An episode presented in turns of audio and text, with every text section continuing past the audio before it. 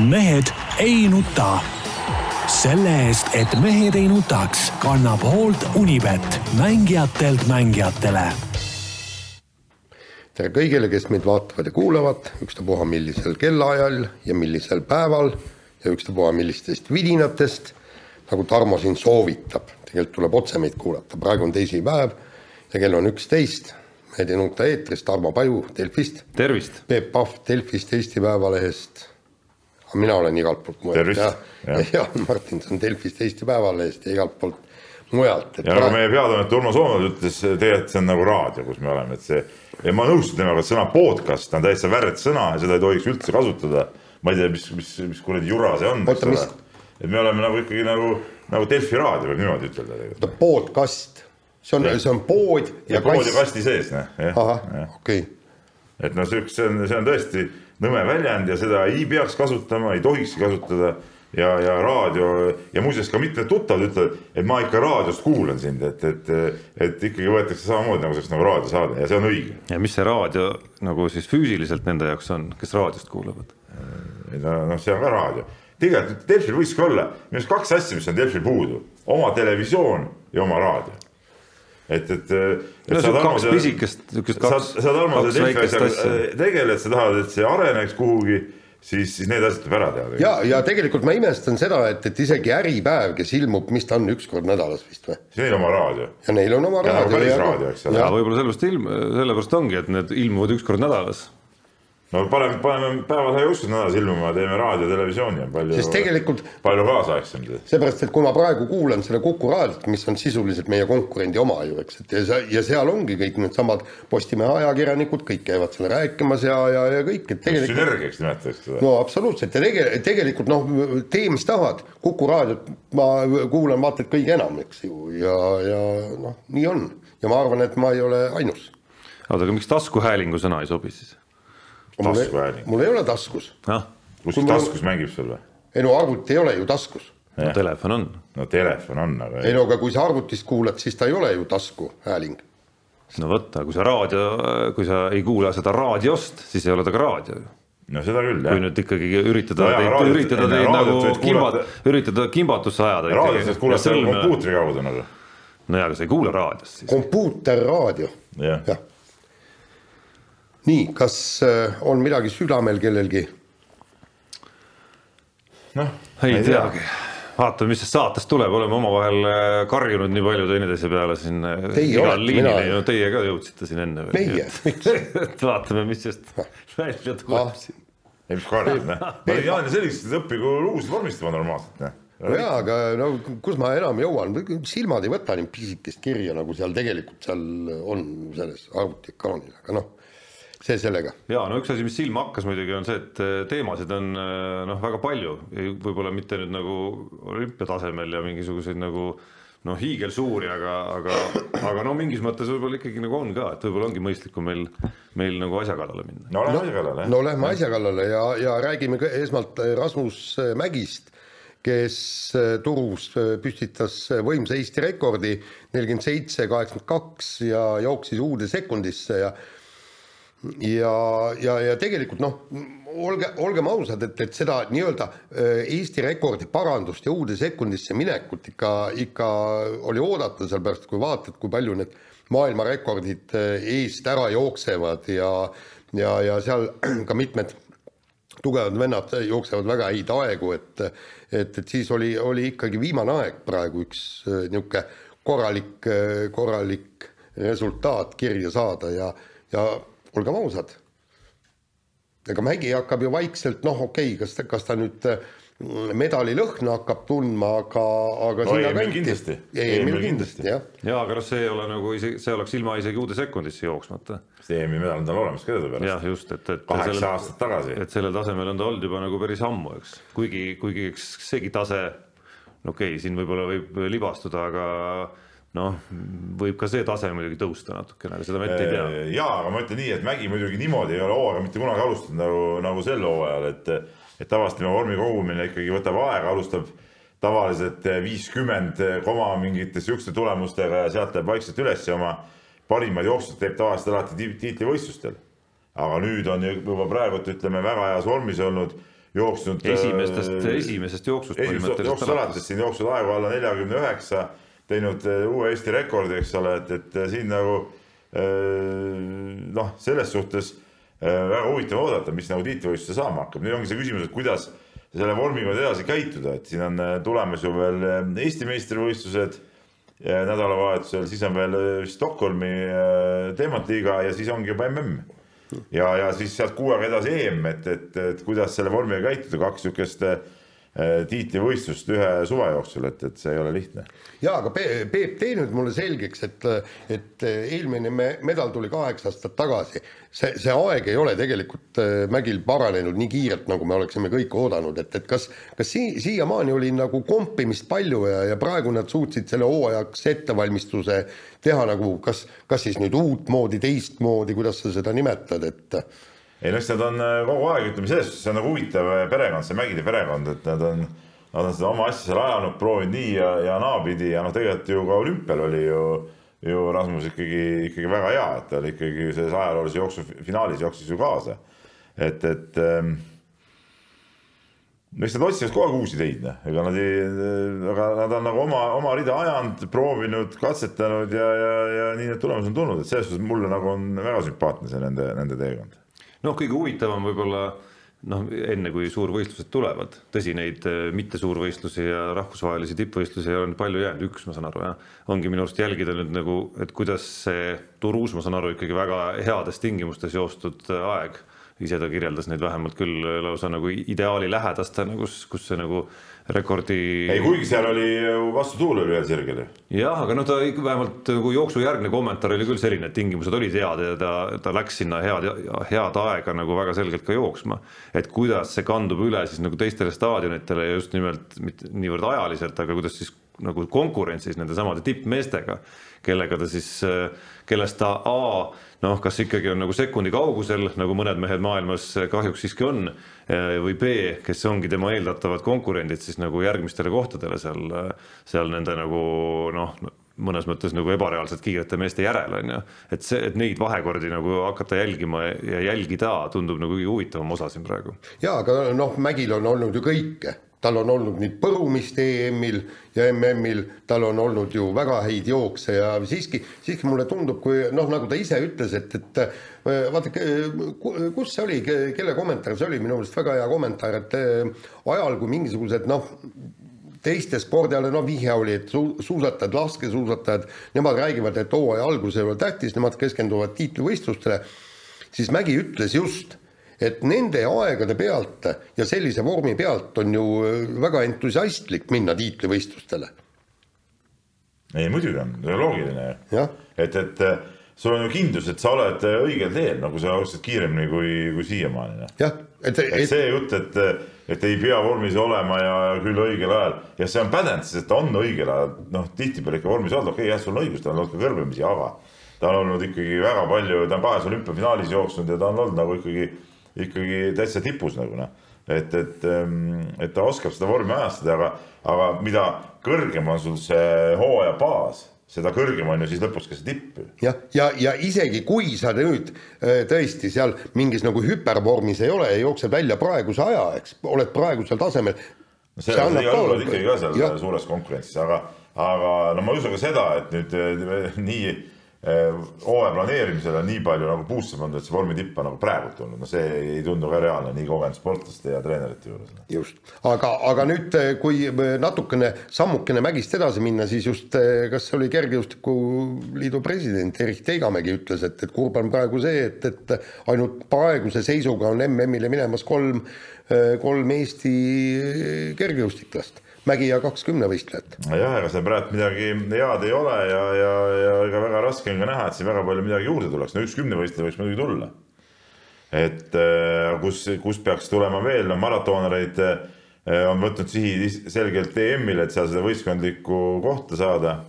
ja, ja ega ma väga palju rohkem nagu ei näe, noh, ma ei tea, kas Nazarov on võimeline jooksma MM-normi, noh, või noh, nüüd on Magnus Kirt tuleb Eesti katele välja oda viskama, aga noh kas on reaalne nagu, et ta kohe paugutab sihukese viskena, ta on nii palju seda võistluste, võistluste algust edasi lükanud, et noh, see on suur küsimärk ja muidugi põnev küsimärk. jaa, aga no siit jällegi hakkab tekkima küsimus, et, et mille taha see kõik jääb, eks, et, et noh, me, meil nagu naistest ei ole kuna, kedagi, kunagi oli vähemalt, Xenia Balta käis seal ka kaugust hüppamas ja, ja tegi seda tragist. Me noh, meil on nagu kõik, kes tahavad, räägivad, et nad tahavad MM-ile minna, eks meil on need vasareitjad ja, ja ja No Tont teab kõik et, teivashüppajad ja, ja, ja, ja, ja, ja ka naiskaugushüppaja Ilves, eks ole, et, et, et noh, eks Eesti käib muidugi paljuski näitavad ära, mis, mis nende sees siis on, et see on nagu viimane võimalus sisuliselt ennast näidata.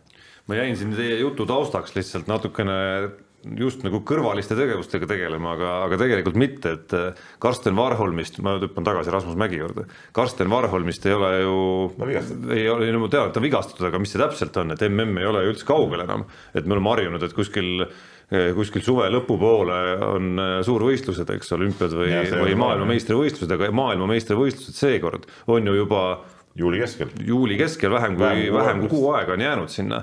et, et, et kui Rasmus Mägi asub hetkel maailma neljasaja meetri tõkkejooksu edetabelis kolmandal kohal maailmas, eks ole, kahe nii-öelda nagu kõva mehe järel, aga üks kõva mees on meil vigastusega väljas olnud mõnda aega, siis ma siin taustal üritasin natukene aru saada, et mis, mis Norra meedia siis Varholmist kirjutab ja noh, lõpuks VG-st leidsin ikkagi ühe veidi värskema uudise, mis äh, pärit on, veidi värskem, see on eile, eile, eilsest õhtust kusjuures pärit, mis ütleb, et nagu ollakse optimistlikud, et MM-il saab startida, aga nagu siit ei loe ka mingisugust nagu sajaprotsendilist kindlust välja, et see, et tal see oli lihase vigastus oli, et ega see lihase vigastus ei on selline asi, et seal ei olegi mingit kindlust. just ja noh, seal ja siin ka tema treener räägib, et üks asi on, on nagu nii-öelda nagu noh, olla võimeline jooksma, teine asi on olla võimeline jooksma sellel tasemel, kus me oleme harjunud, sellel fenomenaalsel tasemel, kus me oleme harjunud Karsten Varholmi nagu jooksmas nägema, on ju.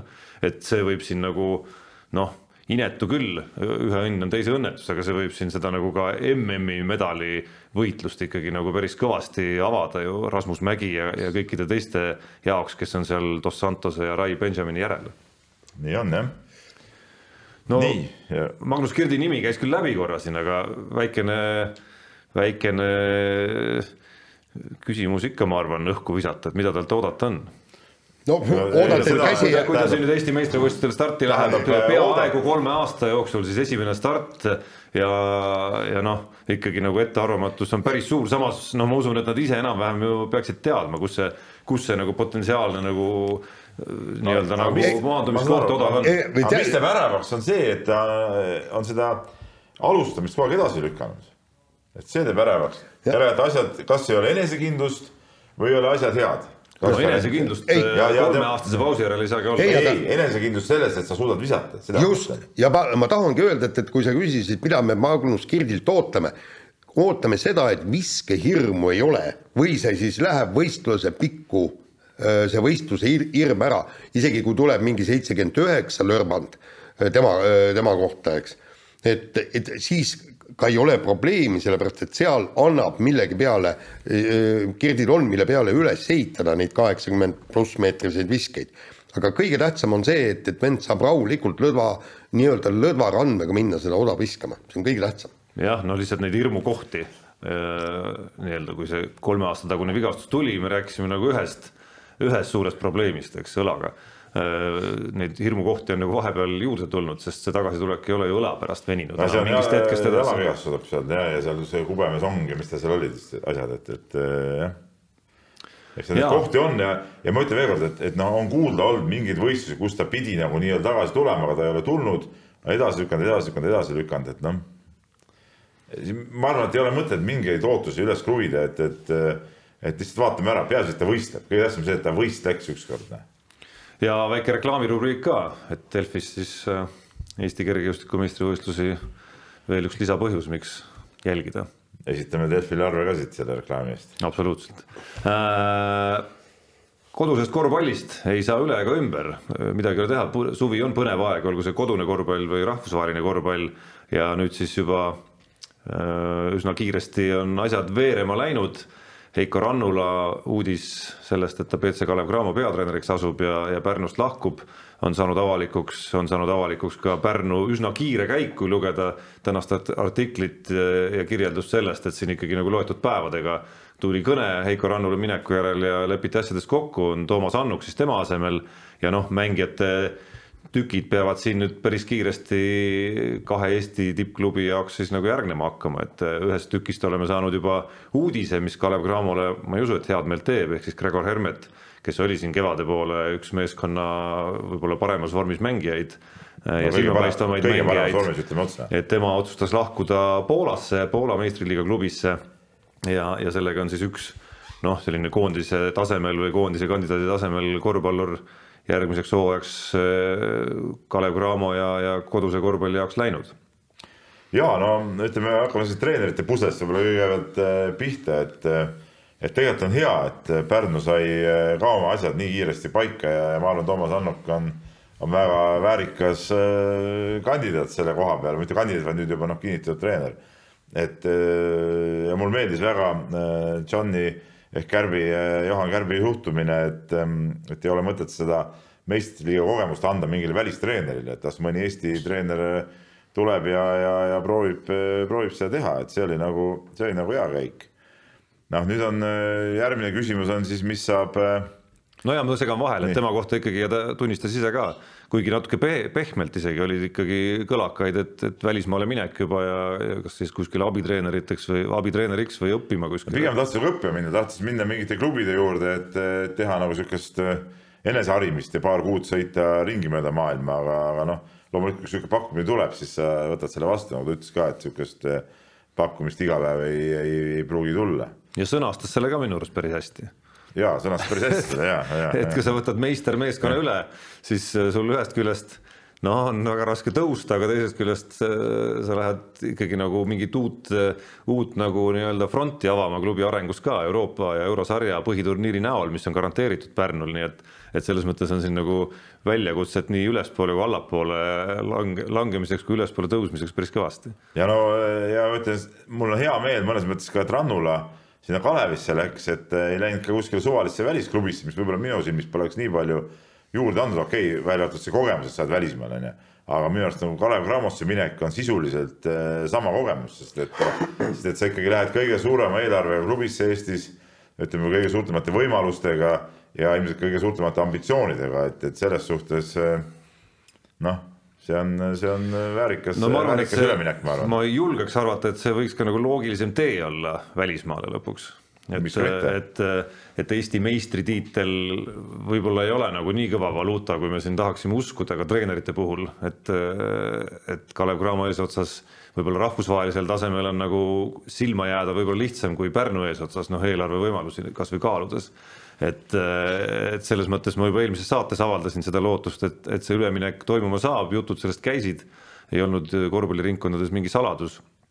ja, ja saab nagu selles mõttes nüüd olema väga huvitav näha, et, et kuulasin siin Heiko Rannula intervjuud Kalev Kruusile ka üks päev ja, ja noh, ühest küljest kuulasin ja, ja, ja sain nagu sellise hästi sümpaatse kogemuse või, või nagu hästi sümpaatne oli kuulata seda nägemust kasvõi mismoodi ta Kalev Cramo vastu nagu taktikaliselt, eh, millise teadlikkusega ta siis nagu mingeid valikuid tegi seal selles seerias, eh, millised nii-öelda nagu noh, mille peale ta nagu mängis, et kus ta ootas, kelle pealt Kalev Cramo las ta siis teeb, kui need mehed sisse viskavad, noh siis okei okay,, midagi ei olegi teha ja Pärnu peab tunnistama, et Kalev Cramo on parem, on ju.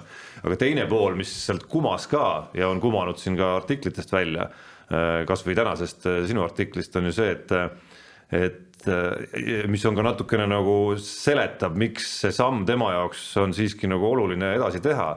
et ma saan aru, et ta ikkagi tegi nagu väga palju üksinda, mis puudutab seda taktika poolt, ettevalmistust, peatreener vaatas ise videosid, lõikas välja sealt kohti, et noh mul on tunne, et see on, see on miski, mis Kalev Cramos saab tema jaoks nagu ka olla nagu arengukoht ikkagi nagu treenerina, et see, see nagu nii-öelda tipu poole vaadates ei ole siiski nagu kõige loogilisem, mismoodi asjad käima peaksid. nojah, samas on küsimus see, et mis on näiteks abitreenerite kaadrist Kalev Cramos, et Indrek Reinbokil noh, kuuldavasti on ka ikkagi nagu sihuke peatreeneri ambitsioon, aga noh, väga palju pole neid, võib-olla neid kohti, kuhu, kuhu minna või, või proovida, eks ole, noh. et kui ta jääb sinna, siis muidugi, siis ta ei pea enam ise nii palju lõikama, aga teisalt see on tal jälle nagu veres ka, et noh, see on, siin nagu noh, mitme otsaga asjad, noh. muide, mul tekkis kohe küsimus, kui Ram-, Ranula ka, Kalevisse läks, et, et kuidas selle komplekteerimisega on, kas tal on kedagi võtta Pärnust kaasa, tihtipuhku on ju niimoodi no,, et treener võtab oma, kuuldavasti seal mõned nooremad mehed on nagu mõtetes nagu, et, et võtta sinna kaasa. no loogiline oleks ja noh, mingi maani noh, mingid verevahetused ongi nagu loomulikud protsessid ju lõpuks, et et noh, küsimus on pigem Kalev Cramo puhul, et mis rollidesse siis lõpuks seal, keda kaasa võtta. Äh, et noh, see, et sa oled ma ei tea, Pärnus ühes rollis ei tähenda, et sa Kalev Cramos täpselt automaatselt nagu sama rolli siis kandma hakkad, aga no esimene uudis, mida mina ootan muidugi on ikkagi, et mingi selgus saabuks ja ma arvan, et klubid ise ka, e-, eriti Kalev Cramo ootab ikkagi selgust, et kus nad siis mängivad järgmisel aastal peale kohaliku Eesti-Läti liiga. Et äh, jube raske on neil ka värbamisturul hakata nagu tõsiseid pakkumisi ja läbirääkimisi pidama, kui ne, kui neil mingisugust selgust ja kindlust ei ole, et kas nende eurohooaeg on lõpuks, ma ei tea, kaks mängu kuskil või üks mäng kuskil eelringis või on neil kuskil garanteeritud, no ma ei tea, vähemaltki siis ma ei tea, seitse kohtumist, et noh, nagu, nagu Pärnul tegelikult on ju olemas, on ju, kui nad peaksid meistrite liiga esimeses eelringis või, või eelringide esimeses mängus kaotama. et, et jube raske on enne neil nagu üldse, üldse nagu tõsiselt hakata ka nende samade Pärnu meestega rääkima, kelle, keda Peep siin, ma arvan, silmas pidas. jah, ei seda muidugi, aga no ma usun, mingi eurosarja nad saavad nii ehk naa noh jah, aga kas nad saavad nagu garanteeritud arvu vähemalt need kuus mängu, et selles on see, selles on see võti lõpuks. ma usun, et nad, ma see puht mulle tundub nagu loogiline, et peaksid saama vähemalt selle alumise eurosarja alagruppi. Noh. arvestades ka eelmise aasta Champions League'i häid mänge tegelikult, nad seal olid ju, ju alagrupis. no eriti olukorras, kus Venemaa klubid ja, äh, on sealt natuke nagu mingid kohad on vabastatud, samas ma lugesin Äh, siin Hispaania liiga finaalide ajal keskmisest rohkem ka Hispaania ajalehti Google'i tõlke abiga ja siis lugesin sealt välja, et kui Hispaanial on neli kohta meistrite liigas, et siis klubisid, kes Hispaaniast äh, taotluse esitas, sinna oli kaheksa lõpuks. ehk siis seda tungi tuleb, ma arvan, mitte ainult sealt, vaid, vaid igalt poolt mujalt, et see, et see nagu meile tundub siin, et kõik ootavad meid avasüli kuskil, aga kuskil jääb Hispaaniast üle nelja, lisaks neljale satsile, kes lähevad meistrite liigasse, neli satsi, kes oleks veel tahtnud no, sinna minna. neli satsi Euroliigas. Neil on ja Euroliiga satsid ja siis on kaks tükki vahepeal veel Eurokapil ka. ka, jah. et, et kuskil on nagu selline maailm veel, kus me oleme ikkagi nagu väga, väga nagu poisikesed. ütleme valgusaasta kaugusel. jah, kuigi ma tahaks ka uskuda, et Kalev Cramot nagu Eesti klubina Fiba võiks nagu tahta oma süsteemides nagu stabiilse külalisena ikkagi nagu edaspidi näha, seda enam, et nüüd on, nüüd on nagu see VTB kadunud ja, ja Kalev Cramo noh, ei olegi muid sihte, kui sinnapoole nagu suunduda. nii, aga. koondisest ka räägime. koondist ka veel, jaa, koondise no koondis ka. kogunes. Mikk Urgatam on vigastusega puudu, Henri Trell on püüdmas oma NBA laineid ja. Ja siis sel nädalal, sel nädalal peaks siis ka saabuma üks väikene selguse tükikene vähemalt, et äkki, äkki tuleb üks Eesti spordi väike üllatusekene seal seal Henri Trelli ja NBA drafti suunas ja ja kadunud poeg hetkel on siis eh, Gerg Riisa, kelle puudumise kohta nagu ei olegi vähemalt meedia vahendusel väga adekvaatset nagu selgitust saanud, et, et kus ta siis on. või miks ta, miks teda ei ole õigemini? no ilmselt ta seal ülikooli maailmas kuskil ringi möllab, aga aga praegu ütleme kõige põnevam on muidugi jälgida Henri Trelli tegemisi, et ta on mitmes klubis käis ennast näitamas, et, et mis sealt siis välja koorub ja kuigi ma saan aru, et ennustuste põhjal teda vist nagu kuskil suureks eh, soosikuks nagu ei peeta. ei, aga eile õhtul sattusin küll ühe sellise mingi harrastusvaatleja eh, nii-öelda harrastusblogija kirjutisele, kes eh, listis seal kaheksa sellist nagu tüüpi, kes noh, pigem ei valita teises ringis, aga, aga et kes, kelle puhul ta ei oleks üllatunud, kui see juhtuks ja seal listis oli Henri Trell näiteks sees, et nii palju on ta ikkagi nagu, nagu oma potentsiaali seal G-liigis ja, ja nendel treeningutel näidanud. No ma saan aru, ma olen temaga põgusalt suhelnud ka, et ta ise on vähemalt nende näitamiste pealt sihuke entusiastlik ja optimistlik vähemalt, et noh, kui midagi muud ei saa, siis see on nagu ikkagi nagu noh, kuidas ma ütlen, nagu enese jaoks, ma arvan, ta enese jaoks on see oluline, et ta sai seal käia ja, ja ennast näidata ja proovida. no kindlasti ta arenes ka kogu nende treeningutega no, kindlasti, ja. kindlasti, kindlasti ja ma arvan, et me oleme korduvalt rääkinud ka sellest, mulle tundub, et see sealne korvpall sobib talle hästi nagu nii, aga lähme võib-olla järgmise teema juurde. absoluutselt, koondisest jõuame pikalt ja, rääkida järgmisel nädalal. et eh, no üldiselt eh, Jaani ootab siis toimetuses jälle rihmutusmasin, sest et sihukest sodi, nagu ta kirjutas enne vehklemise EM-i, noh, annab muidugi välja mõtelda, et rääkis midagi Eesti naiste, EP-naiste nelikvõidust. see ei jää, ma ütlen vihjeks ainsaks rihmutuse kohaks siin saates veel. jah, ahah, aga, aga tulemus on siis see, et, et punkt üks parimaks jäi siis kaheksa hulka jõudmine Erika Kirpult, eks ole, veerandfinaali ja nüüd vahetult enne saate algust selgus, et ka naiskonnavõistluses langeti välja kohe esimeses ringis no teises ringis. või no, no ja, nende jaoks esimene matš. Nende ja esimeses matšis. ehk siis pääsul kaheksa hulka mm,. absoluutselt jah. no, no Jaan, Jaan, esiteks. halloo. ja mis halloo? kust sihuke udujutt tuleb? ei no mis mõttes udujutt? meie B-naised on saanud EM-il kolmikvõidu. nii, ei, aga saad aru, sa pead kogu aeg arenema, edasi minema. vähemalt sul peab olema sisemine soov saada paremaks. Ja järgmine aste kolmikvõidust on nelikvõit õige, eks ju. kui nüüd praegu ei tulnud, siis tegelikult need neiud ja peatreener äh,, aga see ei ole nüüd siis nii-öelda jutt sellest, et okei okay,, nelikvõit on olnud, aga, aga igal juhul peavad tüdrukud ja, ja treener peeglisse vaatama. sellepärast, et ilmselgelt, nagu seda ütles ju ka Katrina Lehis, eks, et ei oldud vormis.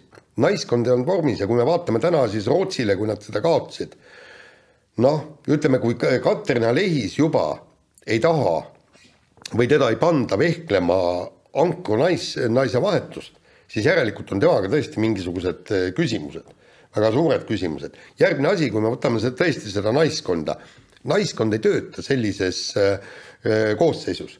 kogu aeg on harjutatud, eks äh, noh, oli kõigepealt, eks Beljajeva kirpu Emrich, Emrichi vahetas välja Lehis, kõik ja see, see kolmik tegi. jaa, on küll, aga ei kuusk ongi just see nii-öelda neljas number, kes käib ja teeb neid nii-öelda tööampse. aga, aga nüüd ei olnud ei Kuuske, nüüd ei olnud Beljajevat ja, ja oligi häda käes. kes kohe naiskonnavõistluses andis üks-viis ära. ilmselt võib-olla vähene kogemus, võib-olla niisugusel tasemel võistkonnavõistlusel veenda, aga noh, see ei ole mingi õigustus otseselt, et äh, lugesin täna põgusalt äh, või see oli eile, eilsest lehest vist juba Postimehes Vilja Arikse jutt ka, kus Novosjolov noh, peale individuaalvõistlust rääkis, kuidas Lehise vorm on väga kõikuv, et ta võib olla umbes täna tipus ja homme jumala põhjas, et noh, no siis midagi on seal nagu valesti, see asi ei ole nagu, nagu päris hästi paigas ikkagi. ja, ja, ja, ja noh no kuhu see on..., kuhu see koer siis maetud on, et esiteks meenutame olümpia järel oli suurimat sorti segadus kõigepealt Äh, aga noh, teisest küljest ega olümpia järel ongi raske natukene ree peale saada. ei, see on loogiline, et on raske, aga no nüüd on ikkagi juba aasta peaaegu möödas ju noh. on no, olnud võistlusi ja. ja on olnud võistlusi, kus on ka hästi läinud ju siiski, et noh, sellist põrumist ei, no nüüd võib küll öelda põrumine, kui naiskonna võist-, naiskond ikkagi nagu oma esimese matši kaotab. ja nüüd kohe. MM tuleb ju kohe ju otsa. kuu aja pärast otsa. nüüd on nagu mm., nagu tõsised äh, mõttekohad, et mis, äh, mida nagu teha üldse saab selle kuu ajaga. no tegelikult saab, ilmselt saab üsna palju seda seda on ka enne olnud, eks, et, et Euroopa meistrivõistlustelt ei tule midagi, küll aga tuleb MM-ilt, aga aga, aga tähtis on see, et, et kõik teaksid ja on ka vastupidi olnud, eks. et, et, et noh, et siin tuleb igal juhul need asjad käsile võtta, sellepärast et noh, ei, niisugust asja ei saa, selle, sellepärast, et mis on kõige suurem probleem, tont selle medaliga, eks. No ei saanud medalit, ei saanud medalit, kui, kui me räägime järgmisest olümpiast, siis edetabelis ei tohi ju kukkuda, sellepärast et edetabelis äh, kui kukud, siis on eh, eh, suurtel võistlustel, kus järgmisest aastast peale juba hakatakse jagama olümpiapunkte, sul on kohe alguses raskemad vastased, eks et see on see no on... igatahes see asi on nüüd nii, et olgu otse-eetris ka ära öeldud, et eh, Jaanile tööülesanne tänaseks päevaks siin natuke muutus. et nüüd, kui saade on läbi, lähed toimetusse ja, ja, ja ootan kiiremas korras vastuseid küsimustele, et mis juhtus ja see asi tuleb läbi lahata tänase päeva jooksul. nojah, kui, kui kahjuks, kahjuks nüüd. ei, ei, kahjuks või õnneks ja. Eh, on tore. võistlused käivad. tuleb tööle.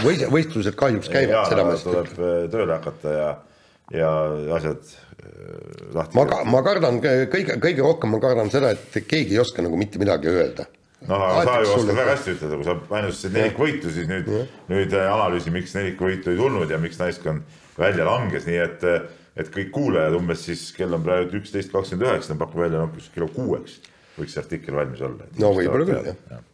nii. Tarmo, eks ole? tahad ka lugeda? jälgin huviga. tahad ka lugeda? jälgin huviga, absoluutselt, jälgin huviga seda tööprotsessi siit praegu kõrvalt siis nii-öelda kas, kas, kas me ja, ja meie ei, vaata, sa reklaamisid, vaata vahele, vaata vahele, sa reklaamisid Äh, siin ka meie mingit äh, seda kergejõustiku asja. mitte mingit kergejõustiku asja, vaid siiski no. sel aastal erakordselt huvitavaid Eesti kergejõustiku meistrivõistluste ülekandeid, kus sa kavatsed minu teada kohalgi olla. kavatsen kohal olla, täna kavatsen Jõhvi umbes minna no,. ja mina reklaamisin siis meie nagu ütleme kirjutava poole nagu sisu, noh, minu arust see on väga okei okay.. no ja mina lihtsalt. see on tasuline lugu, ma, ma rõhutan, see on tasuline lugu, et kõik saavad lugeda peavad selle siis nagu, kes ei ole veel tellijad, peavad ei no kõik meie kuulajad, ma eeldan, on ikkagi juba Delfi kogu paketi tellijad. aga kes ei ole, siis jah, siis see saab olema kindlasti lugu, mille eest ei ole kahju seda tellimust lõpuks ära teha ikkagi. no teeme nii hm.. nii. paneme tellimuste eesmärgi ka Jaanile. jah, jah, nagu me peame Soomlane paneb vahest mingi täitsa, täitsa vaatab lakke ja siis võtab mingi absurdse numbri, et davai, äh, kolmkümmend kuus nii äh, räägime olümpiaspordi rõõmudest, äh, meie. ma ei tea, ma, ma, ma, ma kardan seda lugu, et kui sihuke eesmärk seada, siis Jaan on võimeline muidugi ütleme, tegema selle loo pealkirja ja loo alguse, selle osa, mis jääb siis nagu sinna nagu. maksumüüri no, tellija, mitte tellija jaoks sinna nii-öelda nagu maksumüüri ette on võimeline tema võimete juures ja no, loovuse juures on ta võimeline tegema selliseks, et me võib-olla ei taha seda siiski. miks, ei vastupidi, las. et sellise pettusega saadud. ega ei, ei, see ei ole pettus, see ei ole pettus, mina usun Jaani võimetesse. Jaan on enda võimeid pikka aega hoidnud vaka all, ei ole neid nagu välja toonud, eks ole.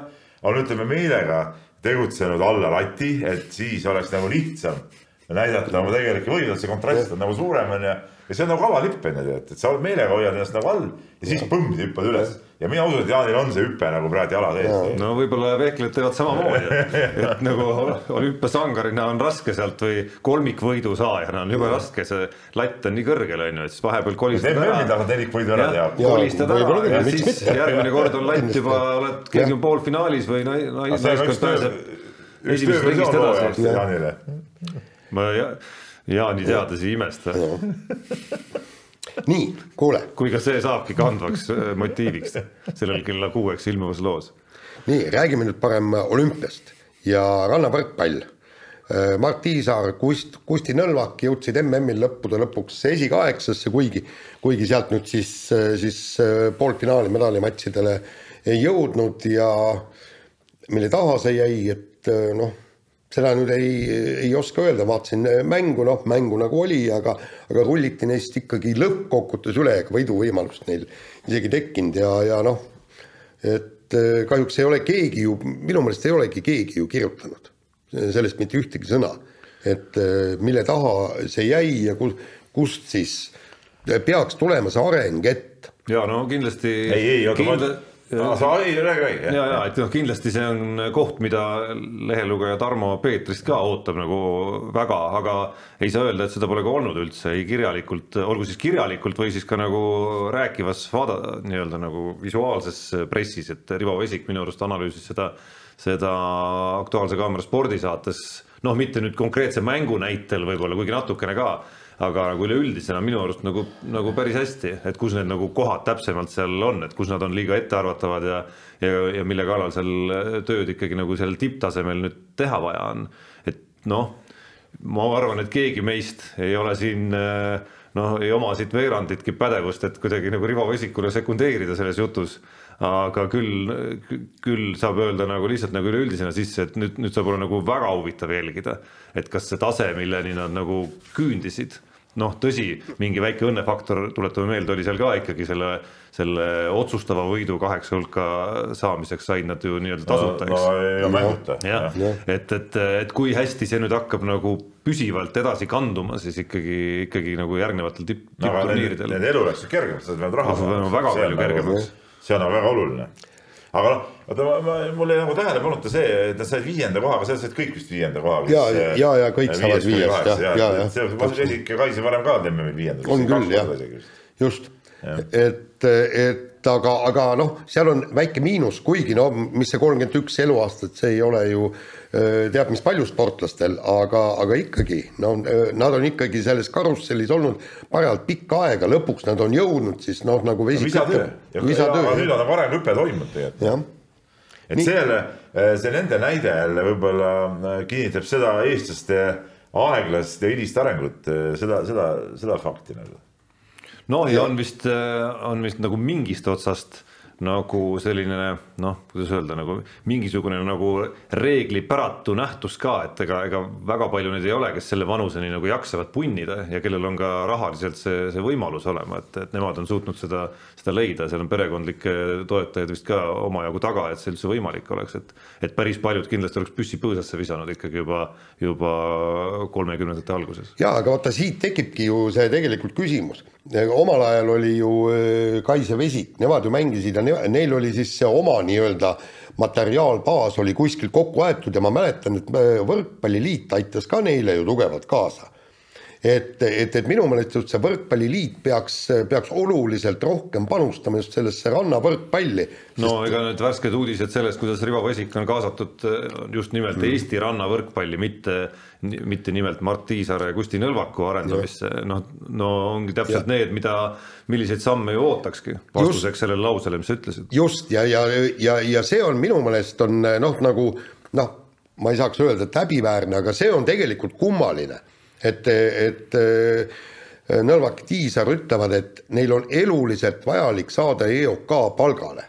Tegelikult on, äh, peaks, peaks olema, nad on meie esipaar ja nad oleks, peaksid olema ikka nii piisavalt kindlustatud, et see ei peaks olema neil äh, oluline no, eluks oluline, vaid no, see oleks, võiks olla boonus. jah, aga noh, teisest küljest äh, ei ole nad ise ka ju varjanud, et äh, et noh, neisse uskujaid nendel aastatel, mis seda tulemust nagu tulnud ei ole, ega neid nüüd ka võrkpalliringkondades ei ole nagu väga palju olnud, on ju. et noh, kui me siin eelmises saates rääkisime, siis nad olid ka ju jõudnud alles vist kolmekümne kahe hulka MM-il, noh, mis nagu noh, suures plaanis ei ole ju veel nagu mitte midagi tegelikult. ja aga, aga saad aru, siin on ju kogu küsimus see, et võrkpalliliidu äh, poolt peaks olema äh, see, kes on meie esipaar meestest-naistest, neile me tagame kõik vot selle, selle, selle, vaatamata sellele, mis tasemel no, ta on. tasemest kõik. ei, ei, ei, saad aru siis on järgmistel hea ja kindel öö, olla ja teada, et, et kui me mängime Nõlvaku tiisera üle, siis, siis on, oleme meie nagu tagatud. meil oli omal ajal golfis oli ju aastaid ja aastaid, me olime niisugune käkerdised seal MM-il ja EM-il, me olime kogu aeg seal päramises otsas, aga alati me käisime kohal, alati olid varustus olemas, kõik olid tingimused tagatud ja põhjus oli selles, et noortel on teadmine, kui ma jõuan nõnda kaugele on mul tagatud äh, tiitlivõistlused, nüüd viimasel ajal on ka laagrid, on kõik need on tagatud. Nende tase ei vasta sellele, aga et, et, et äh, oleks mingisugunegi järjepidevus aga no kui me sarnasel teemal edasi läheme, ehk siis raha pool ja EOK toetusel olemine, noh siis väga huvitava kaasuse on nüüd jälle ette lükanud elu ujujate poole peal hoopis, ehk siis viieteistkümne aastane Ene-Li Jefimova jäi siis kaheksa sajandikuga üheksandaks ehk siis esikaheksast ja, ja finaalist välja maailmameistrivõistlustel. no see koht, kus ma oleks tahtnud hurjutada sind, Jaan, puudutab nüüd seda no., et sa täna kirjutasid loo, kus sa juba ütleme nagu nõudsid, et täna või eile lõunaks oleks pidanud nagu otsused kõik tehtud olema.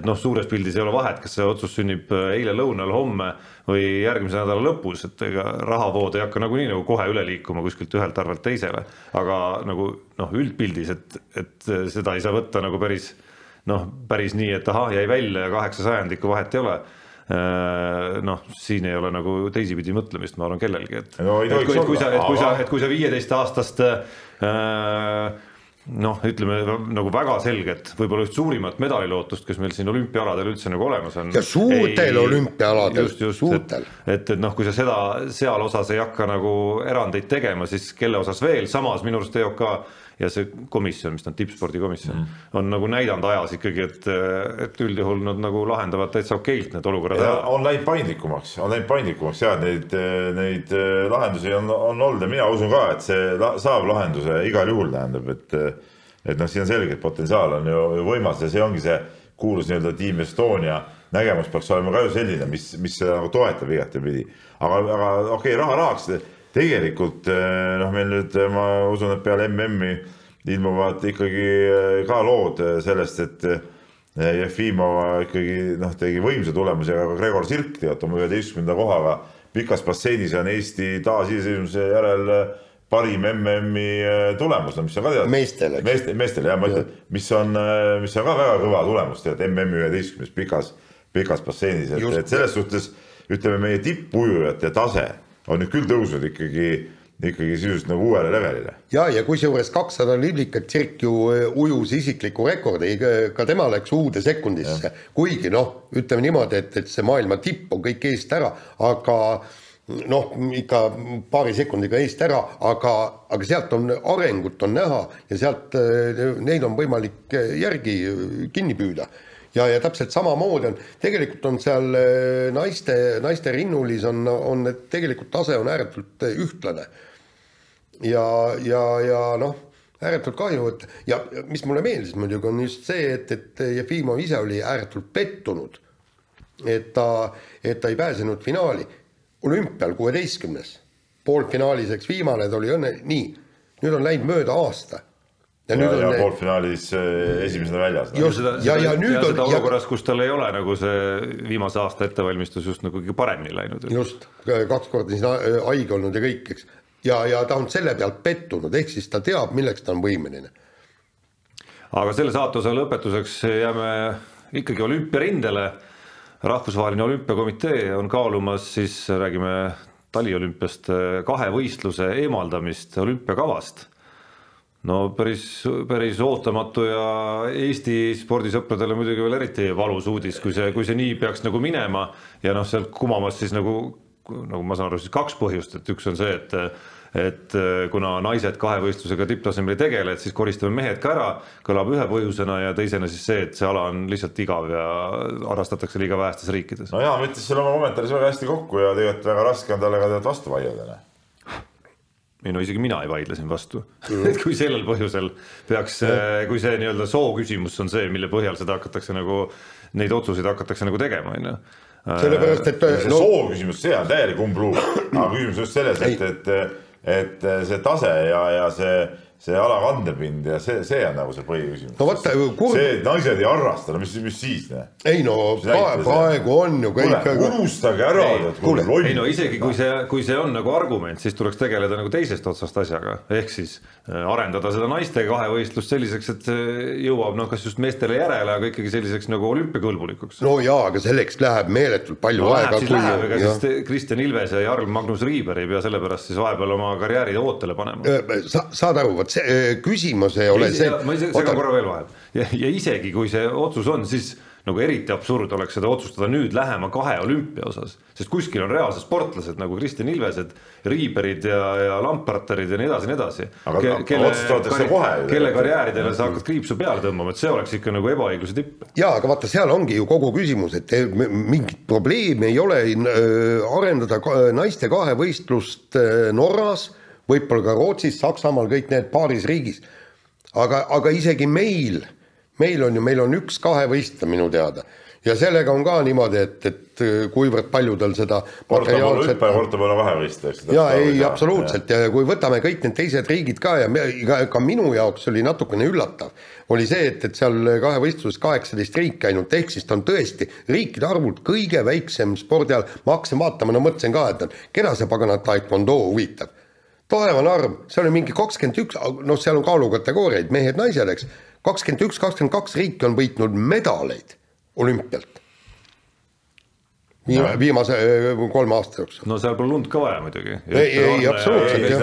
aga, aga no selge reaalsus, reaalsuskontroll on muidugi selline jah. Et, et kokkuvõttes, kui sa nüüd vaatad, meil on siin väga selged emotsioonid ja kindlasti norralastel ja, ja mõnel alal veel väga suure, suurte emotsioonidega vaatad seda küsimust, aga kui sa vaatad seda nagu neutraalse pilguga kuskil ROK-i, ma ei tea, otsustaja vaatenurgast, et mida siis teha, et noh, meil oleks põhimõtteliselt äh, olümpial rohkem alasid, mis on, millel on suuremad kandepinnad ja geograafiline laius ja nii edasi, siis sa vaatad äh, nagu mustvalgel nendele faktidele otsa ja pead ütlema, et tulebki vist ära võtta. hea näide oli see, mis sa Soomest rääkisid, vaata mm, -hmm. me arutasime seda, et, et, et küppevõistlus on ära Äh, päris hüpete võistlus hakkab kahevõistlus pärast seda. ongi täitsa tühi. kedagi ei huvita see näe. no kahevõistlushüpped on eriti igav võistlus, olgem ausad tegelikult, kui sul oma meest sees ei ole no siis ju ei vaata, ei vaata mitte kunagi seda. samas kahevõistluse sõit just nimelt on, põnev. on nagu ja, väga põnevaks muudetud, et seal alaga on vaeva ikkagi nähtud. aga ütleme, ole, ole ausad, kui, Ilvest ei oleks, sa ei viitsiks vaadata neid kahevõistlushüppeid ju no no, ei viitsiks absoluutselt, no isegi kui Ilves on vahel, sa ikkagi nagu sätid noh No päevaplaani natukene jah. selle järgi, et sa hüppega oled kursis ja siis vaatama hakkad, kui sõiduks läheb. ja, ja muidugi nutune on see, et, et ainult äh, viimaselt kolmelt olümpialt nelja riigi sportlased on saanud medalid, eks Norra, Austria, Saksamaa ja, ja, ja Jaapan. ja, ja jälle vaatasin Skeletoni kõhuli kelgutamine, kus kuradi kohast on Austraalia saanud seal medali? Holland. Läti, ja ei no Läti Läti on vana kelgupaber riik. jah, ei ma lihtsalt tuletasin meelde noh. jah, nii, aga laseme nüüd kõlli.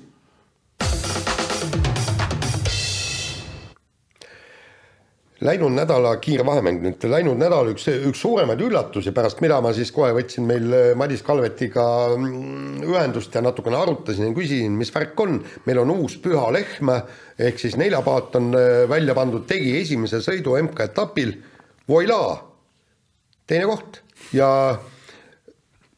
äh, Mihhail Kussetin alla raja, Tõnu Jaanikene, no Kustein. Kustein ja, ja, ja kirjapilt on Poolak muidugi selline, et normaalne inimesed seda on väga Jah. raske välja ei lugeda. no Jah. kui inimese nimi kirjutatakse, siis, siis ta Kirjutatakse nii või? lihtsalt. ei, ma ei tea. ma ei usu, kus nii niimoodi, aga, aga see, ütleme niimoodi, et Poolakust ma olin veel kuulnud, aga Kuhteinist väga, ei, ma seda küll ei usu. et, et, et täitsa, täitsa üllatav kamp, kaks noort meest sees, jõuavad sõuda küll ja, ja ja, ja said, mis kõige tähtsam, said Hendriksonit kiita, et kõvad töömehed ja see on juba noh, see on- see see on kõvem eraldi tunnustus, kõige kõvem tunnustus, kõvem kui teine koht MK-etapil.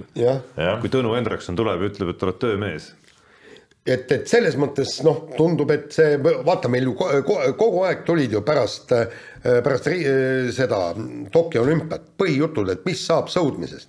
Kas vajub üldse kokku ja kas me üldse kuhugi MM-ile üldse me peale saame või järgmistel olümpiatel ja või hakkamegi sõudma C ja D finaalides. okei okay,, ärme teeme suuri järeldusi praegu sellest. tuleb MM ja, ja me ei pruugi A-finaalis olla, no B-finaali peavad. kas sa nii palju oled äh, kindlasti selgeks saanud? seal olid kõik, kõik, kõik olid kohal.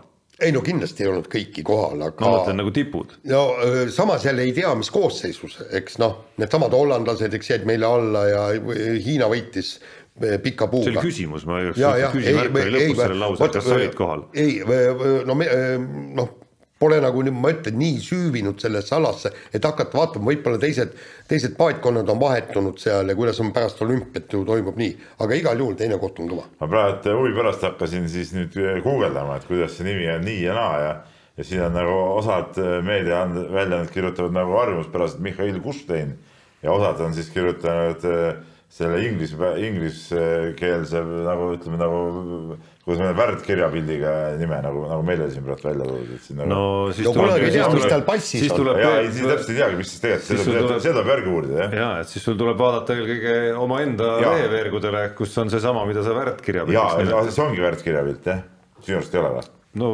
väga eba, ütleme väga harjumuspäratu, ütleme siis niimoodi, aga noh, küsimus on selles, mis, mis, mis ongi, et mis lõpuks ta, mis ta siis nagu, nagu tegelikult on jah, et, et see on päris, päris, päris huvitav, et, et ka siin ma vaatan ka sõude mingit protokolli, et on, on nii ja naapidi.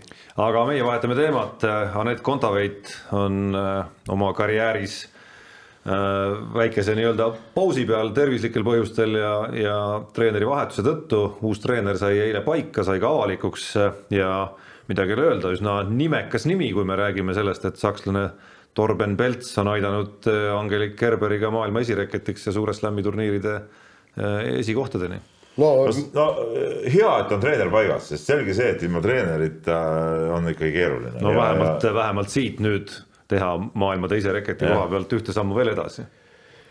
jah, aga, aga ütleme niimoodi, et ega Kontaveit on sel tasemel mängija, et, et temal ei ole ilmselt probleemi selle treeneri leidmisega, aga, aga jällegi sai, sai taaskord arutatud, et kuidas see treener on ja oli ainult üks vastus, eks näis.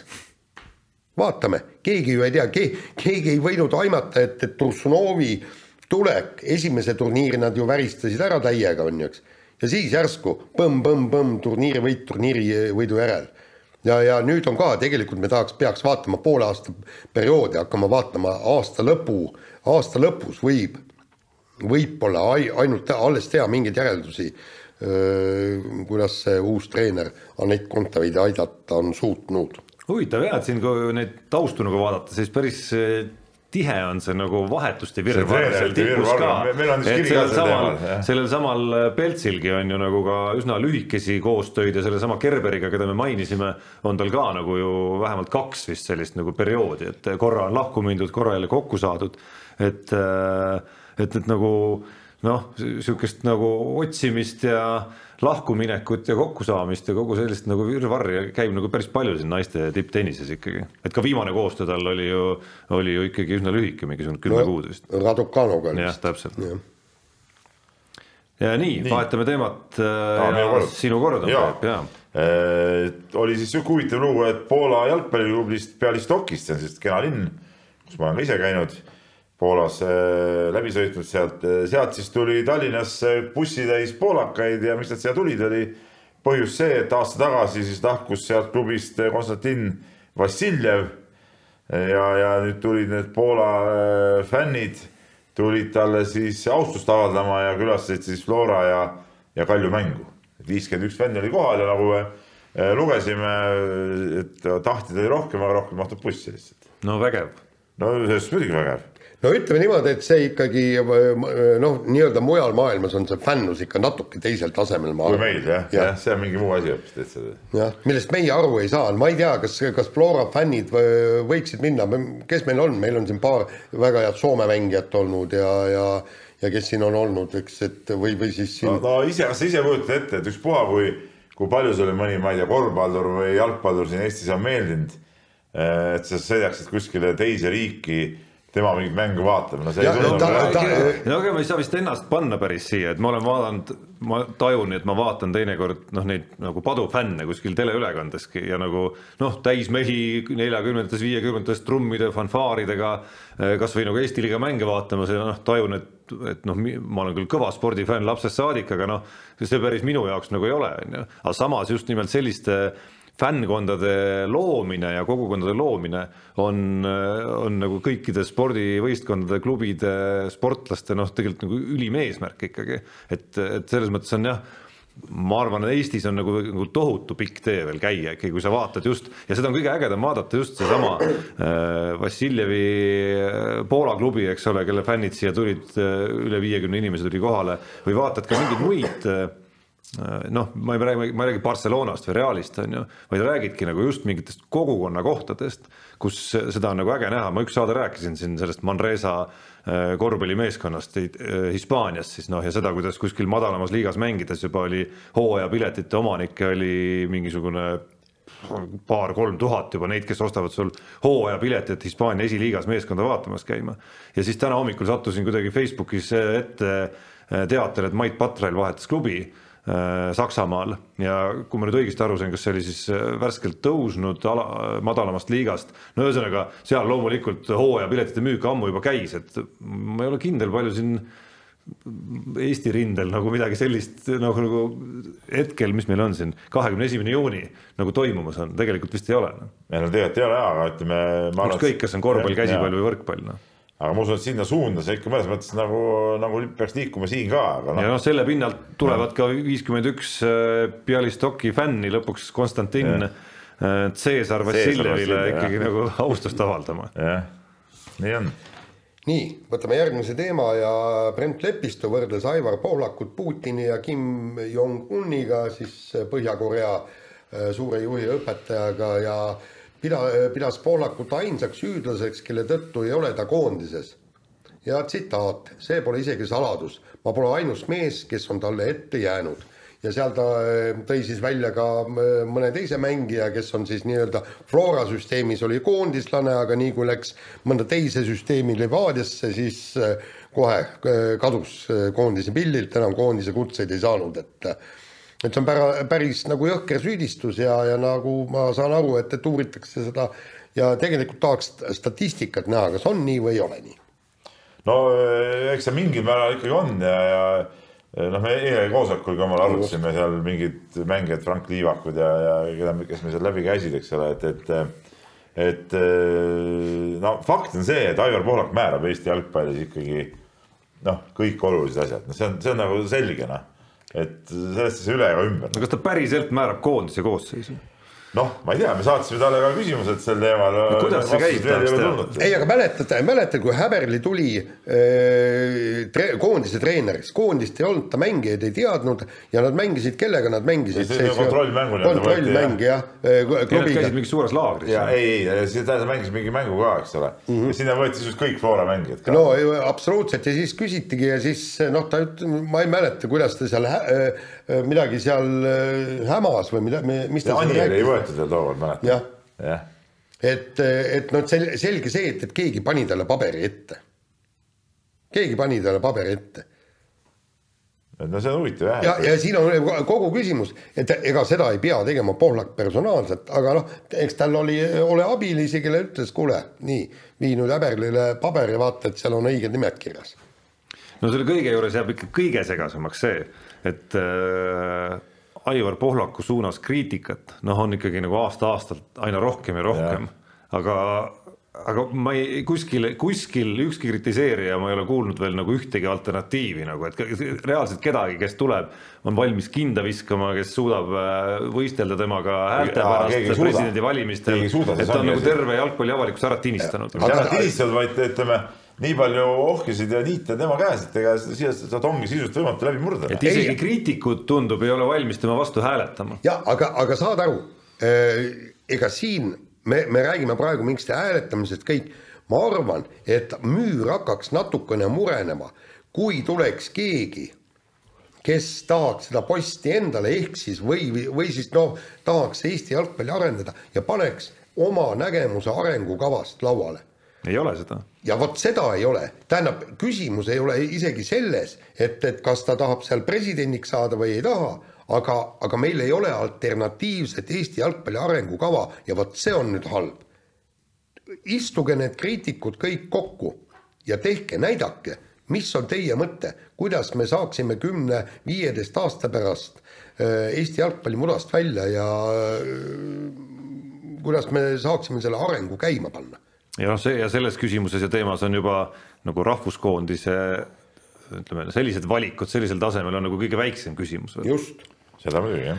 aga selle saatuse lõpetuseks väikene Rally Estonia erirubriigikene ka. kuni Rally Estonia toimumiseni me nüüd iga kord siis ütleme, võtame mõned punktid sealt läbi. ja eelmisel nädalal käis Jaan kuulamas, vaatamas, mida räägitakse Rally Estonia pressikonverentsil, no kui alustada sellest, mida reaalselt räägiti pressikonverentsil, siis ilmselt äh, või pressikonverentsi järel ja mida sa Ott Tänakuga rääkisid, siis peab võib-olla alustama punktist, mis äh, puudutas küsimusi, kuidas Ott Tänakule siis Rally Estonia rada äh, tundub sel korral, et kas need hüpped, mida ta on kritiseerinud, on saanud natukene laugemaks ja, ja õhkub temast veidi rohkem rahulolu, kui kui siin eelmisel aastal eriti vist oli see, kus, kus sai kuulda kriitikat koduralli suunas temalt.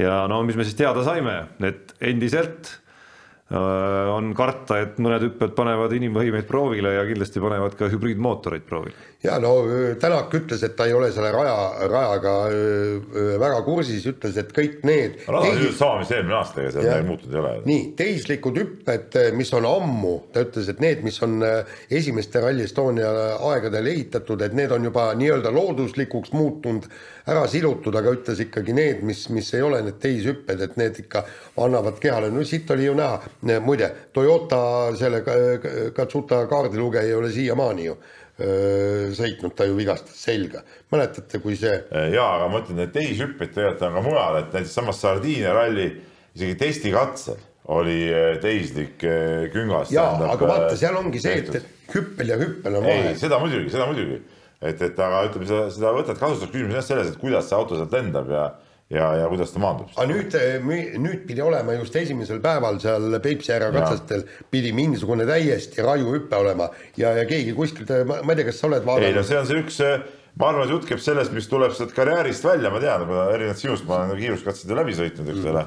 ma olen rallit ikkagi nagu ei, aga see on uus uus hüpe. aga okei okay,, aga seal on üks, üks hüpe on ka selline, mis tuleb karjäärist üles ja sa hüppad sealt eelmine aasta äh, Margusel on ka päris head pildid, ütleme sealt ikka auto ikka viskab reaalselt nagu ikkagi väga-väga kõrgele. Sa võid püsti seal all seista. nagu mina sain aru, jah, nagu mina sain aru, et see on nagu, mäletad see urja katsehüpe, et tuleb see on sul nüüd all, see on aga Jaa, sealt, eelmine aasta sealt tuli nagu alt üles, noh, ega see ei ole lihtsam variant, et noh, alla sul on isegi võib-olla nagu parem maanduda no,. vaata, sa maandud nagu, ei vaata, et sa maandud nagu kalde peale, kui sa tuled alt üles maandub põmmaki sinna, see, see on hoopis kehvem variant. aga tehke mulle. ja mis, oota, ma korraks räägin, ma korraks räägin hüpetest, mis oli huvitav. Sardiinias ma käisin, siis seal Sardiinias on ka üks kuulus hüpe, eks ole. see oli meeletut rahvast, meeletut fotograafe oli kogunenud ja seal varasematest aastatest on, on tehtud me, me, mega õhulende aga huvitaval kombel ja, ja ma ei saanud pärast rallit, kuna liiga vähe oli aega rääkida, ei saanud, ei saanud nagu rääkida sellest äh, Otiga ka. kõik sõitjad pidurdasid räigelt maha ja seda, need õhulennud jäid suhteliselt lühikeseks et ma ei tea, kas nad nüüd selle praeguse autoga kardavad neid pikki õhulende teha. ja vot see võib ka olla. no ma sinna tahtsingi rihtida tegelikult selle küsimusega, millega ma vahele tahtsin segada, et lihtsa rallivaataja küsimus, et kas hübriid lendab teistmoodi kui, kui. ei no see hübriid teistmoodi lendab, küsimus on, kuidas ta seda, kuidas ta seda. no see on nagunii küsimus, seda ütles ka Ott Tänak, et kas, kas see hübriidi nii-öelda nagu jupid peavad vastu ja. seda põrutust või mitte, on ju, aga küsimus, kas seal nagu ma ei tea, mingis raskustes. no ta on natuke raskem. sada kilo raskem, sada kilo.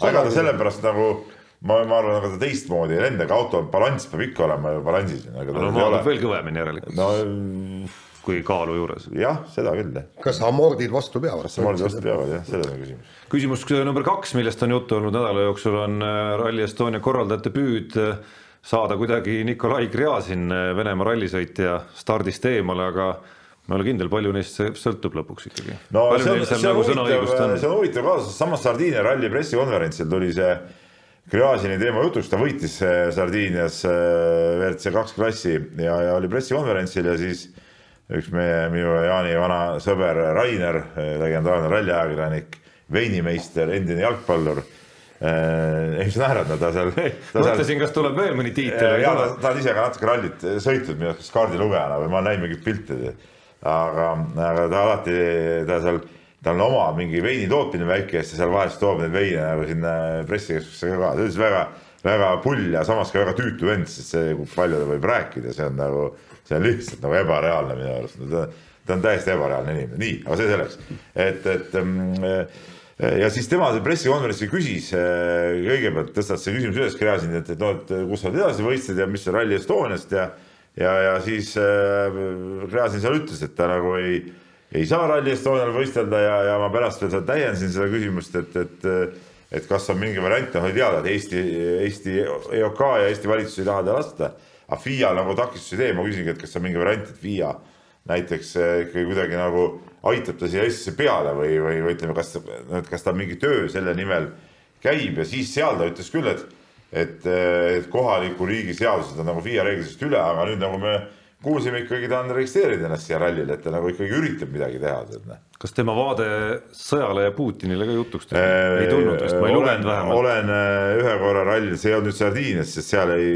see oli sõja algul. see oli sõja algul ja siis ta keeldus igast komment-, kommentaaridest sel teemal, aga noh, teada on, et ta isa on ju tegelikult ikkagi ju seal Kremli äh, koridorides nagu suht oma mees nagu. ja ütleme niimoodi, et, et noh, võimalikud sponsorid ja kõik, kõik ja. see, et, et ega tema tegelikult äh, see äh, noh, ta, ta ei saa võib-olla öelda seda, mida ta tunneb, sellepärast et sellega lõpeks tema rallisõidu no, ega me ei tea, mida ta tunneb, sest et jah, ta siiamaani oli jätnud küll nagu toreda poisi mulje, eks ole aga mis vend ta tegelikult no, on? no meile meeldib siin tihti mõelda. kui tal on siin kiivri peal mingid Kremli pildid ja nii edasi, noh siis praeguses olukorras, no see ei ole ju päris normaalne tegelikult. no meile siin meeldib mõelda, et, et nad ainult sellepärast ei ütle midagi, et nad noh, ei saa öelda, kuigi ma kardan, et praktikas asi on lihtsalt see, et nad ei saa öelda hoopis teisel põhjusel, mida meie mõtleme, et nad ei saa öelda, ehk siis nad ei taha nii-öelda nagu pro-Putini seisukohti lihtsalt nagu liiga avalikult välja öelda, kogu lugu. teadmata Nikolai Gräzini enda, enda mõttemaailmast midagi. huvitav jah, et, et mis siis saab nagu kokkuvõttes, noh, sest Via ei ja tal on ju tegelikult, siin on see küsimus ka, tal on ju, mis siis takistab tal võistlemist, siin on see väga juriidiline asi, sest tal ju mingi Schengeni viisad Eestisse tulekut ei takista miski tal minu arust ju.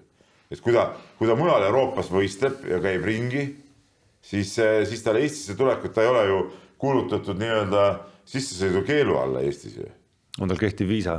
no kuidas sa Sardiiniast no järelikult jah. ja ta on kõikidel MM-etappidel siiamaani sõitnud ju. Keeniasse ta ei lähe, no Keeniasse paljud ei lähe. et, et see ei puutu nagu asjasse aga, aga ja Soomes kavatseb ta igal juhul võistelda jälle, mis on järgmine etapp on ju. et, et, et, et mis siis nagu see mehhanism nagu on üldse, et, et et teda mitte lasta, et see on tead väga, väga, väga huvitav küsimus. mis siis on, kui vend lihtsalt tuleb kohale, rahulikult läheb sinna ralliparki. mandaati ja. ja, mandaati palun jah, näed, et. ma olen arresteeritud. täpselt jah et mis see, mis see juriidiline otsus on siis? millise õigusega te keelate? see on väga, väga, väga huvitav nagu, väga huvitav olukord nagu. no küllap Rally Estonia ja WRC peavad seal ikka omavahel nagu selgeks no rääkima. aga ja... mina ei usu, et FIA seda järgi annab, miks ta peaks andma järgi ühele oma, et, et, et kuna lubavad see tippsõitjal mujal sõita ja siis ühe etapi järsku keelavad ära ja, ja, ja näiteks noh, ütleme teoreetiliselt siis eh, võib-olla rikuvad tal ära maailmameistriks tulekuna, mis meie silmis ei ole nagu mingi probleem, ärgu üldse sõitku, onju, aga eh, kui FIA lubab tal muud etapid sõita, siis oleks nagu nonsenss, kui FIA ütleks järsku, et ai no Eestis nüüd sa jah tõesti ei saa noh, et see nagu, see küsimus on ainult selles, et mida Eesti saab teha, et ta siin ei võistleks, see on ainult. no lõpuks saab alati korraldaja, ma arvan, öelda, et äh, mis kaarti sa, osaleja siin ei ole, eks ole, aga noh, küsimus on, kas Rally Estonial, mis, mis voli tal seda teha on? ei no ta, ta ei saa. nagu, nagu FIA silmis. ega, ega ralli korraldaja ikkagi on ju see, no okei okay,, Eesti pool on nagu korraldaja küll, aga nagu ülem, nende jaoks ülemuslik korraldaja on ju FIA ja see promootor, eks ole, tead noh. Sest noh, sa, sa kujutad ette, no kui nüüd Urmo Aava järsku ütleb, et, et. Äh, kuule, ei, äh, Roopera, sa ei saa võistelda. no jaa, aga see on nagu natuke nagu tobe võrdlus, et kõik saavad aru, miks Gräzini puhul seda teha ei, ja miks keegi ei hakka kunagi Rovanpera puhul seda tegema. teoreetiliselt on see siis ju, kui igaüks saaks niimoodi otsustada, on see võimalik, noh. et mind huvitab see, et kuidas seda nagu saab nagu teha, noh, ma ei ole see, ega mina ei ütle, et, et Gräzin peaks siin võistlema, ei pea võistlema siin ta ei pea üldse võistlema MM-sarjas praeguses olukorras, aga kui ta võistleb mujal etappides, siis kuidas seda tehakse nii, et ta siin ei võistle, et see huvitab kõige rohkem. kas Keenia rallist ka mõni sõna või no,? ma olen nagu pettunud, et, et miks, miks Jaani pole saadetud Keeniasse? no äh, tead, äh, mina hoolin Jaanist, ma olen hooliv inimene ja mina ei, ei taha siukest vanamehe nässi sinna äh, ütleme sinna saata, sest et me teame, seal on ohtlik. Ja ma tean, sinna läheb suhteliselt vähe. Ajakirjanikke, sellest oli Sardiinias ka juttu. Ka ütleme täitsa siukseid ka alalise vestiga legendaarseid fotograafe, kellega seal äh, Margus äh, ka suhtles ja, ja ka ei lähe sinna, sinna läheb suhteliselt vähe, sinna läheb ka vähe sõitjaid, okei okay,, no WRC tipud muidugi kõik lähevad, aga kui sa vaatad seda stardinimekirja, siis see on ikkagi suhteliselt kõhna, WRC kaks on seal nagu eriti kõhna näiteks. ma arvan, et see on võib-olla hea koht, kus teha nagu enne pausi isegi ära väikene Unibeti, Unibeti rubriik või laseme kõlli ära ja siis jätkame sujuvalt ralliga. Unibetis saab tasuta vaadata aastas enam kui viiekümne tuhande mängu otseülekannet, seda isegi mobiilis ja tahvelarvutis. Unibet, mängijatelt mängijatele. nii, Unibet jaa, et, et sujuvalt nagu ralli teemaga edasi minna, siis, siis ega siin nagu suuri valikuid ei ole ju, kuhu, kuhu suunata pilgud, kui rallinädal ja, ja eripanuse väljamõtlemise koht on, et, et seda konkreetset mehetinuta eripanust äh, on oodata ka õige pea kohe Unibeti lehele, aga kui vaadata neid Keenia ralli koefitsiente, mis on nii-öelda nagu hetkel üleval, siis Ogier neli koma null, Neville, Rovanpera, Tänak kuus koma null, Priin, Evans lööb seitse koma null ehk siis me räägime siin seitsmest mehest, kes on enam-vähem nagu ühele pulgale pandud. no Tänak võidab.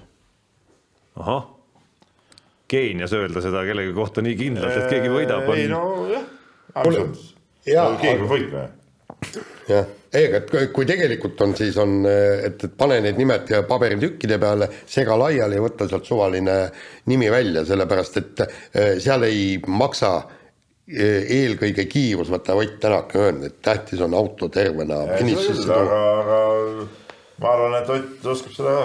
ei, ma arvan küll jah, miks mitte Ott. no autod peavad ka tervena kohale jõudma. seda me räägimegi, et oskab seda autot tervena kohale jõuda. no oled kindel, noh autod ja. peavad nagu lisaks sellele oskusele peavad nagu päriselt ka. ma, ma arvan, et, ma arvan, et ta on õppinud selle nüüd ära, selle Hyundai'ga. et sellega ei saa sõita nagu pedaal põhjast.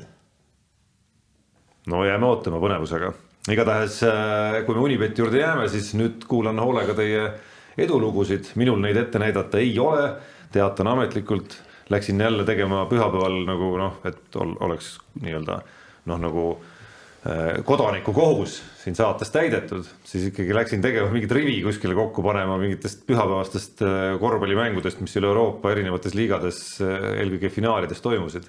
ja noh, loomulikult sellest viiest mängust, mis sinna sai pandud, ma pole kõiki vaadanudki, aga vist kaks tükki läksid vähemalt mööda. no ma ei taha pühapäevasest korvpallist midagi rääkida, sest minu jaoks oli pühapäevane korvpall kurb päev. Barca kaotus. ma olin jah, ütleme Jassikevitsuse austajana ja, ja ka Jakob Aitise no, noore talendi austajana, minu jaoks see oli nagu kurb, et see asi nii läks. ja, ja siinkohal mainin ära, et panused jäid panemata vanasti sulle meeldisid ikkagi nagu vanameistrid korvpallis ja üldse spordis, et nüüd on äkitselt vanemas eas mingi ihalus ka noormängijate suunas tekkinud juurde. ihalus või? ihalus. fännlus. ihalus kõlab nagu natuke nagu teistmoodi. ei, seda ei ole mõeldud, aga, aga selline noormängijate fännlus on äh, teatud, teatud noormängijate, mis mul väga meeldis äh, selles finaalis ja see oli nüüd, seda ei teinud Partsa mees, seda tegi üks Reali mees aa, Fabien Cosseur. vot see oli äge. no see on tapja instinkt. see oli äge. siin räägitakse. see oli ikkagi, see oli ikkagi kõva, tead näe. no ta tegi õnneks ka nagu õigel hetkel seda. ei, see oli väga õige ja pani sisse sellise viske, eks ole. ja see, see oli nagu, nagu jättes kõrvale selle, et ma olin tõesti no üli, ülitugevalt Barca poolt, siis see hetk ma pärast mõtlesin ka, et see oli nagu ikkagi, see oli nagu nädala spordihetk minu jaoks, et noh, et see oli nagu kõva. no ma. ei midagi aru, millest te räägite. ja, jah ei, ma jah, võitsin natukene pappi ja kusjuures kummaline oli see, et. ja natuke tähendab tihti. ei, ei, ei no kakskümmend viis euri, nii et mul on kolmsada pluss. no oh, kuule, minu, minu jaoks on küll suur raha. kas sa liider juba või? ei, ole või? ma ei tea, oled sul kolmsada mõned sendid. okei okay,, no siis ei ole. kolmsada kolmkümmend on mul. ja, aga, aga seal oli kummaline. seal vist kas reede, laupäev, kui, kui tulid nagu, tähendab, ühesõnaga tuli uudis, et, et hakatakse Leclerc'il äh, mootorit välja vahetama. kusjuures ametlikku kinnitust ei olnud, aga aga, aga juba ka tiimijuht ütles, et, et me vahetame ära sellepärast, et see rada niikuinii on Red Bull seal. ja kõmm teen lahti ja ei mingit koefitsientide muutumis, muutumist ei olnud selleks hetkeks veel ja tegelikult ma panin. ehk siis Max Verstappeni peale panustasid? ei no selle peale ma panin väikse äh, summa, aga, aga ka väikse summa panin selle peale, et Lewis Hamilton jõuab kolme sekka. kui võtame kohe eest ära ja kusjuures koefitsient oli üks viiele, no pole ka paha ju, eks ju ja, ja tuligi kolmandaks ja, ja selle pealt äh, võtsin. ja, ja muidugi siis, siis kui selgus, et mootor vahetatakse ära, kõik koefitsiendid muidugi muutusid kolinaga. no vahi, see on nagu õpiku näide siin äh, ühe saate näitel, kuidas mitte panustada ja kuidas panustada. ehk siis huupi mingeid rivisid panna on alati halb mõte, aga omada infot ja kasutada seda ära on hea mõte. no mõned oskavad jah. nii, lähme kiiresti kirjade juurde, me siin see, saate. see kõlas küll kuidagi õnnetult, Jaan, sulle ei tundu või? see mõned oskavad jah. noh, noh, kobistada tahtsin ma ütelda lõppu. nii, aga Marko kirjutab meile nii, et olete viimastes saadetes rääkinud palju kergejõustiklastest ning sellest, kuidas meil on palju kümnevõistlejaid, kellel on lootust olla oma alal edukad. paraku nagu enamus neist lagune-, paraku enamus neist lagunevad enne finišijoont ära. kas meie naaberriikide või mõne suurema riigi kümpimehed on samuti pidevalt katki ning võistlused jäävad ala lõpmata pooleli või on see pidevalt vigastada saamine tingitud meie spordi puudulikust taustajõust ja ma vastasin kohe, no kümpimehed on ikka, ikka üle maailma pidevalt katki, et, et see on, äh, võtame kasvõi Maieri, eks ole, et, et, et jäi tal isegi see Tehmat-liiga kolme, kolmevõistlus lõppkokkuvõttes viimane ala tegemata. O'Brien, see oli ju kogu aastate kaupa nagu, oli. no ajastul ju Frank Puusemann, mäletad, oli, oli ikkagi nagu täitsa imelaps mingil hetkel ja tundub, et tuleb ja ja, ja lööb selle üldse pea peale, aga, aga vigastused selle kõik lõpetasid. ja see inglane oli vaata ka ju. Dean Macy. Macy, kes oli ka ju palju vigane, eks ole, jah, jah no.. et tegelikult et see on, see on selle ala spetsiifiline, harjutad ikkagi nii paljusid alasid ja, ja see ikkagi keha ei pea sellele vastu, see on ja, karm ala ikkagi. ja on üksikud mehed nagu Erki Nool, kes, kes suudavad suuri vigastusi vältida, aga väikselt on nad kogu aeg katk, aga nad ei räägi sellest. nii on jah nii, aga teadlane Priidik kirjutab ja temal on küll huvitav küsimus, et kas praeguse valitsuse moodustamise aegu liigub ka infot, et laual on kuidagi sporti puudutavad küsimused. kui ei, siis milline küsimus peaks saatusite arvates kindlasti laual olema? mul on see kohe kindel vastus ka, ma, ma, ei tea. see on küll, sama vist äh,. treenerite palgad ja, ja, ja, ja äh, nii äh, Jaan siin on jälle tööülesanne täitmata. ei, ma olen seda uurinud. uurinud, sulle sai antud ülesanne, nii ülesanne on täitmata, jälle ilmutusmasin ootab mm et, et raske, raske on sinule tead. ei no tegelikult ütleme nii, et, et töö käib treenerite palkade teemal, ütleme, see on nagu teada. ütleme niimoodi, et jah, et e eelmise valitsuse riigi all, riigieelarve projektis oleks treenerite palgatõus sees olnud, aga paraku koalitsioon läks katki, praegu alles arutatakse ja seda saab näha, kas nüüd läheb see palgaküsimus, läheb sinna dokumenti või mitte no see on väga tähtis küsimus tegelikult, kui me tahame üldse nagu spordi jätkusuutlikkusest rääkida. nii, aga Tamm Tamm kirjutab meile, kirjutab meile sõudmisest, et toimus MK. oota, Peep, sorry, ma takistan sind, isegi küsimus ei ole mitte Eesti spordi edasijõudlikkusest, vaid mulle, mulle öeldi väga, väga eh, põhimõtteline kommentaar. me, meie probleem on see, et need lapsed rasvuvad ja liiguvad vähe ja ainsad, ainsad, kes veel panevad osa lapsi mingil määral ennast liigutama, on treenerid, rohkem mitte keegi. kehalise tunde on sul üks-kaks nädalas. lapsevanemad ei pane, kes paneb, ainult treenerid. ja, ja nüüd nende, nende nii-öelda palga kallal kotitakse, mitte keegi teine ju ei, ei pane lapsi nädalas võib-olla kas kolm-neli-viis korda A poolteist tundi liikuma. see on õige jah nii, aga Tamm Tamm ka meie alane kirjasaatja kirjutab sõudmise teemadel ja ta kirjutab nii, et noh, nagu me siin rääkisime ka sõudmisest, toimus MK-etapp, kus Eestis oli äh, väljas kahepaat, Taimsoo sõitis koos sakslasest sõbraga, noh, mida tiitlivõistlustel juhtuda ei saa muidugi. ja siis neljapaat, kes sai siis väga hea teise koha. Äh, järgmise äh, olümpia ehk kahekümne neljanda aasta olümpia kvalifikatsiooni mm toimub juba järgmisel aastal. eelmise olümpia kvalifikatsioon MM-il eestlastel teadupärast ebaõnnestus ja neid ebaõnnestumisi on siin nagu olnud, olnud veel ja nüüd on tal küsimus. et, et ja, ja paat saadi alati kokku liiga hilja ja selle taha jäi ja nüüd on Tamm-Tammi küsimus selles, kas Taimsoo ja Hendriksoni raja lähevad ka olümpiale, kui vigastused ei peaks neid segama. ja teine küsimus, kas järgmise aasta MM-ile minnakse välja sama nelja paadiga ja Taimsoo ühesega, sest erinevaid koosseise saab proovida viimase hetkeni nagu eelmisel korral no Taimsoo tahab ühest sõita, no nüüd äh, ilmselt ta katsetab ja proovib ja vaatab, kuidas, kuidas see õnnestub. aga äh, siin on ka see huvitav asi just selle Hendriksoni jutu peale, et, et noored mehed teevad kõvasti tööd ja kui see paat niivõrd hästi sõidab, kas äh, Taimsol on enam kohta sinna paadis, kui ta tuleb, ütleb, et kuule, mehed, ma, mehed, ma tahaksin neljasesse tulla. küsimus selles, kas Hendrikson peab vastu olümpiani? jah. no tegelikult olgem ausad ja võime mõelda küll, et kõva vend ja kõik, aga sinna kaks aastat aega ja, ja vanus on ikkagi juba soliidne. ja no kusjuures äh, minul on meeles tema intervjuudest see pärast olümpiat äh, ikkagi nagu selline noh, esimene ootus oli see, et kas ta nüüd nagu teatab, et ta lõpetab või ei lõpeta.